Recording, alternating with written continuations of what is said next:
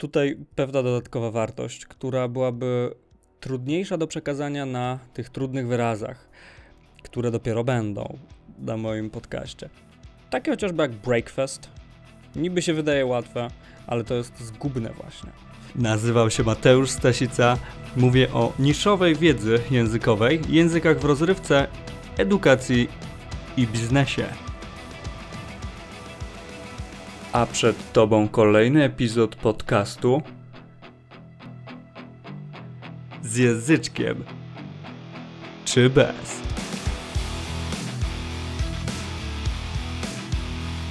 Dobra, dobra, dobra. Zaczynamy.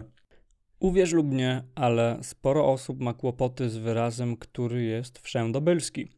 Szczególnie często spotykanym jest on w przestrzeni internetowej, dlatego warto konkretnie napisać i wiedzieć, co oznacza to słówko.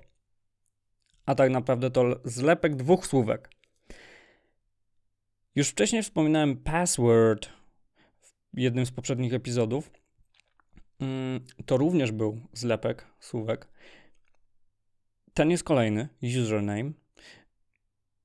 Ma on za zadanie ci e, zaprezentować po raz kolejny, że język angielski jest po prostu prosty.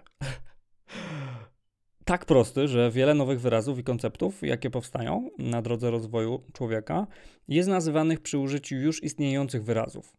I to często w formie niezmienionej.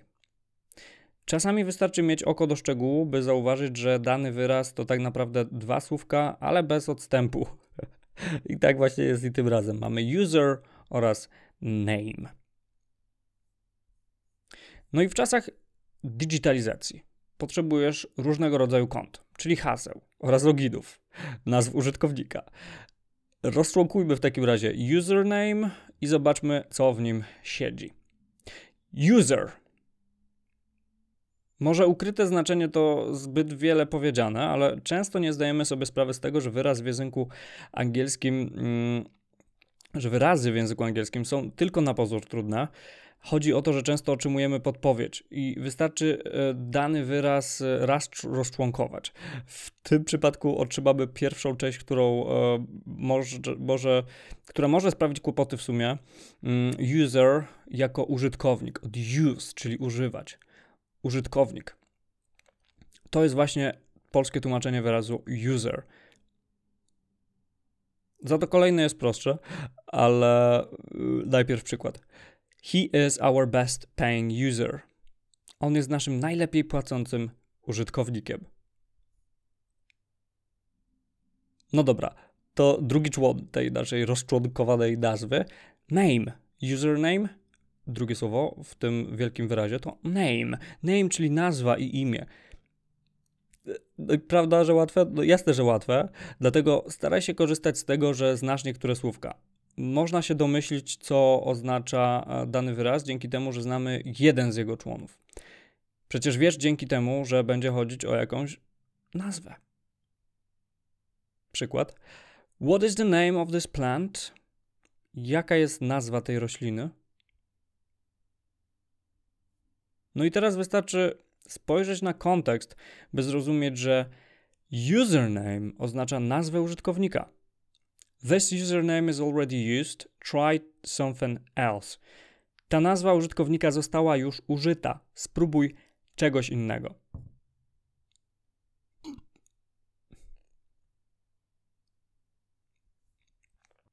Rozumiesz już, co to znaczy username po angielsku i wiesz, jaka jest z tego lekcja. Ja rozumiem, że to jest proste. Jasne, że to jest proste. To są bardzo łatwe słowa.